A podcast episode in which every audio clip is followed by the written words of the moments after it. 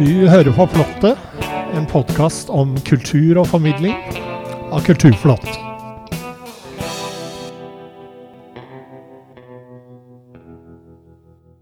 Denne julen har vi besøk av hele 29 artister. De gir oss innblikk i det de liker aller best musikk, formidling og kreativitet. I Flottet har vi også en full adventskalender denne gangen. Hver dag får vi en tekst om mytene ved julen, skrevet og fremført av forfatter, dramatiker og mytolog Terje Nordby. Så her er det mye å glede seg til, folkens. Mitt navn er Bård Andersson.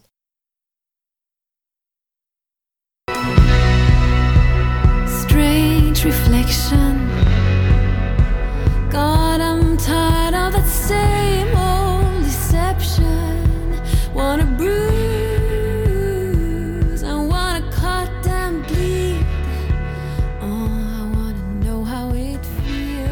Albumet denne låta er hentet fra, tok ti år å lage. Det handler om artistens egne erfaringer, og fikk ta den tiden det tok. Hjertelig velkommen til Flott, eh, Hanna Eline. Tusen takk. Eh, Du er aktuell med albumet The Mother, The Maiden and The Crone'. Gratulerer med det. Hjertelig takk. Eh, Det albumet det har tatt ti år å lage, det. Og tematikken er viktig for deg der. Eh, Jeg har lyst til å sitere noe som du tidligere har sagt.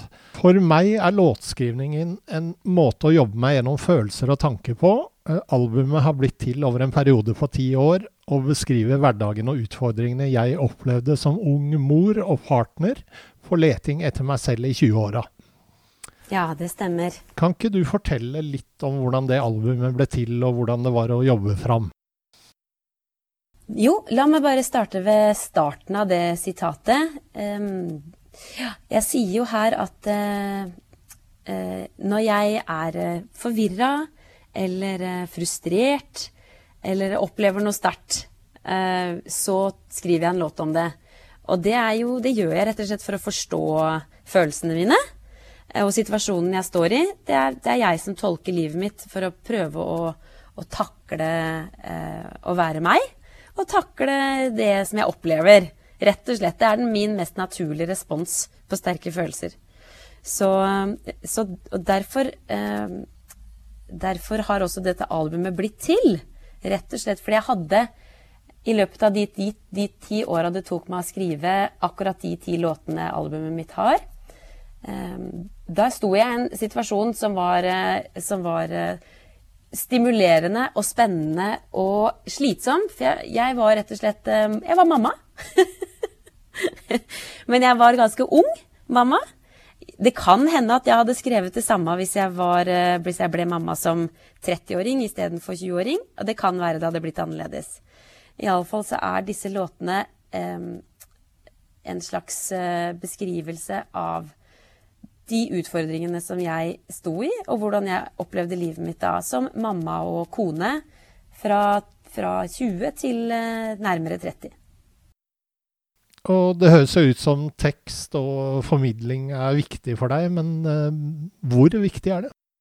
Ja, disse låtene hadde ikke blitt til uten at jeg, hvis ikke jeg hadde en tekst jeg ønska å skrive. Så eh, det stemmer Ja, rett og slett. Jeg må ha en klar eh, visjon for hva jeg vil formidle, og så starter jeg der.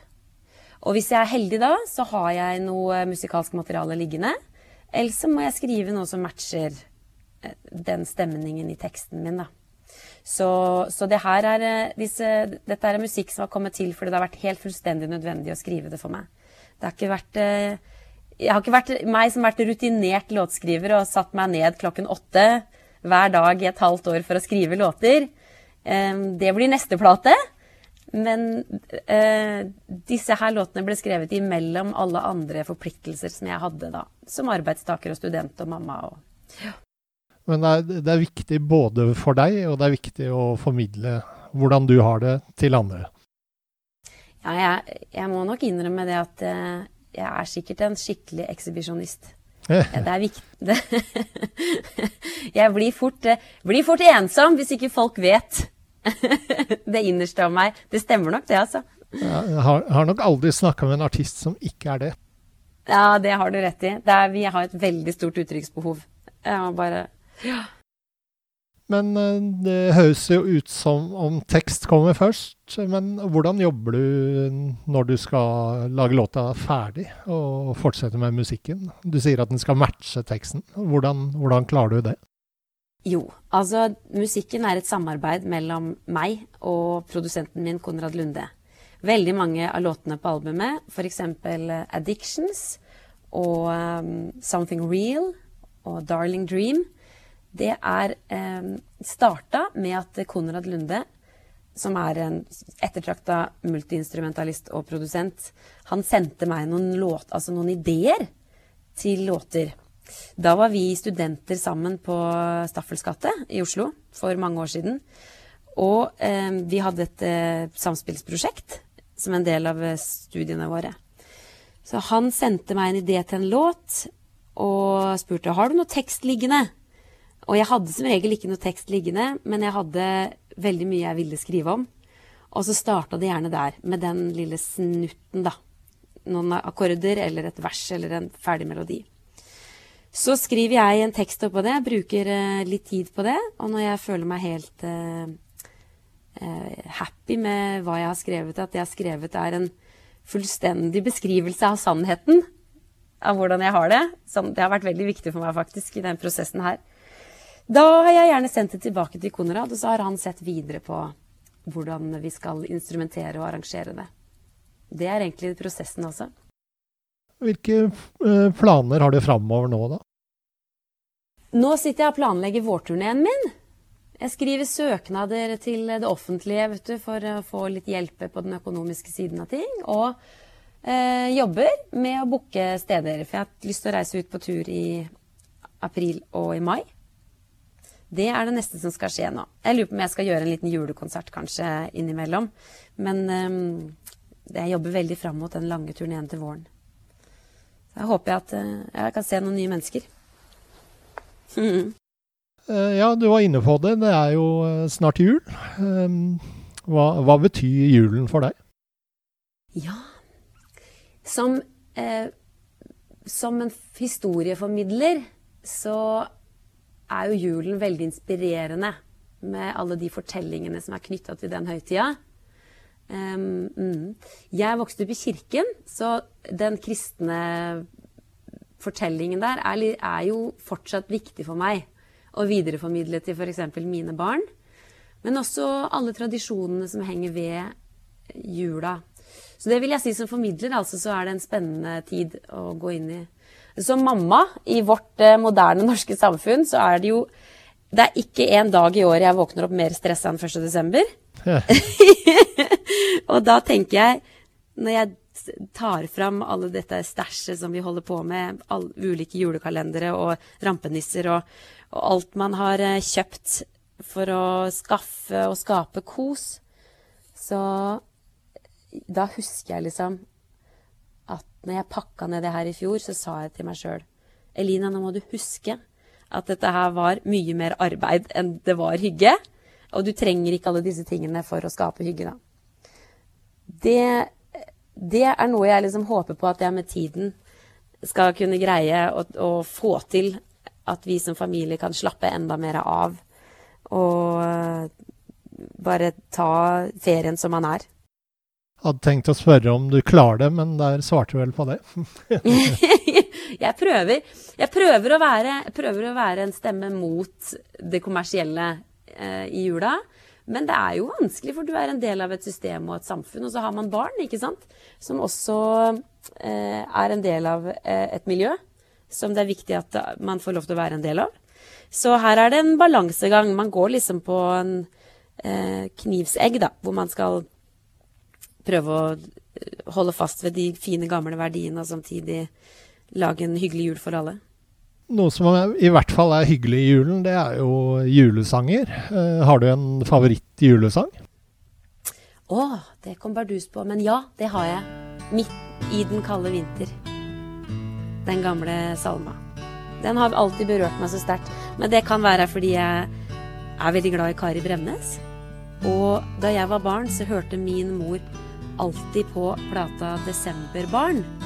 Som er gitt ut av eh, Richard Wolff og Kari Bremnes. Den plata gikk på repeat, og, og, og det er fortsatt min favorittjuleplate. Så, og der hun har en fantastisk versjon av den salmen, så den har blitt ved med. Eh, jul er jo også film for mange. Eh, har du en favoritt-julefilm også? Mm, ja, Polarekspressen. Jeg må si det, faktisk. Men jeg tror, jeg tror at mitt julefilmrepertoar absolutt kan bygges ut. Og da spiller vi låta 'Addictions' av Hanna Eline. Tusen takk for at du var med i plata.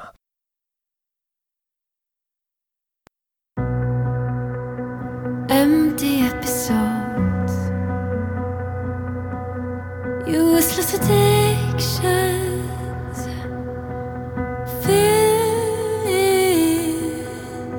to the core. Still, I want more. Drained ambitions. How could I forget my dreams and visions? The days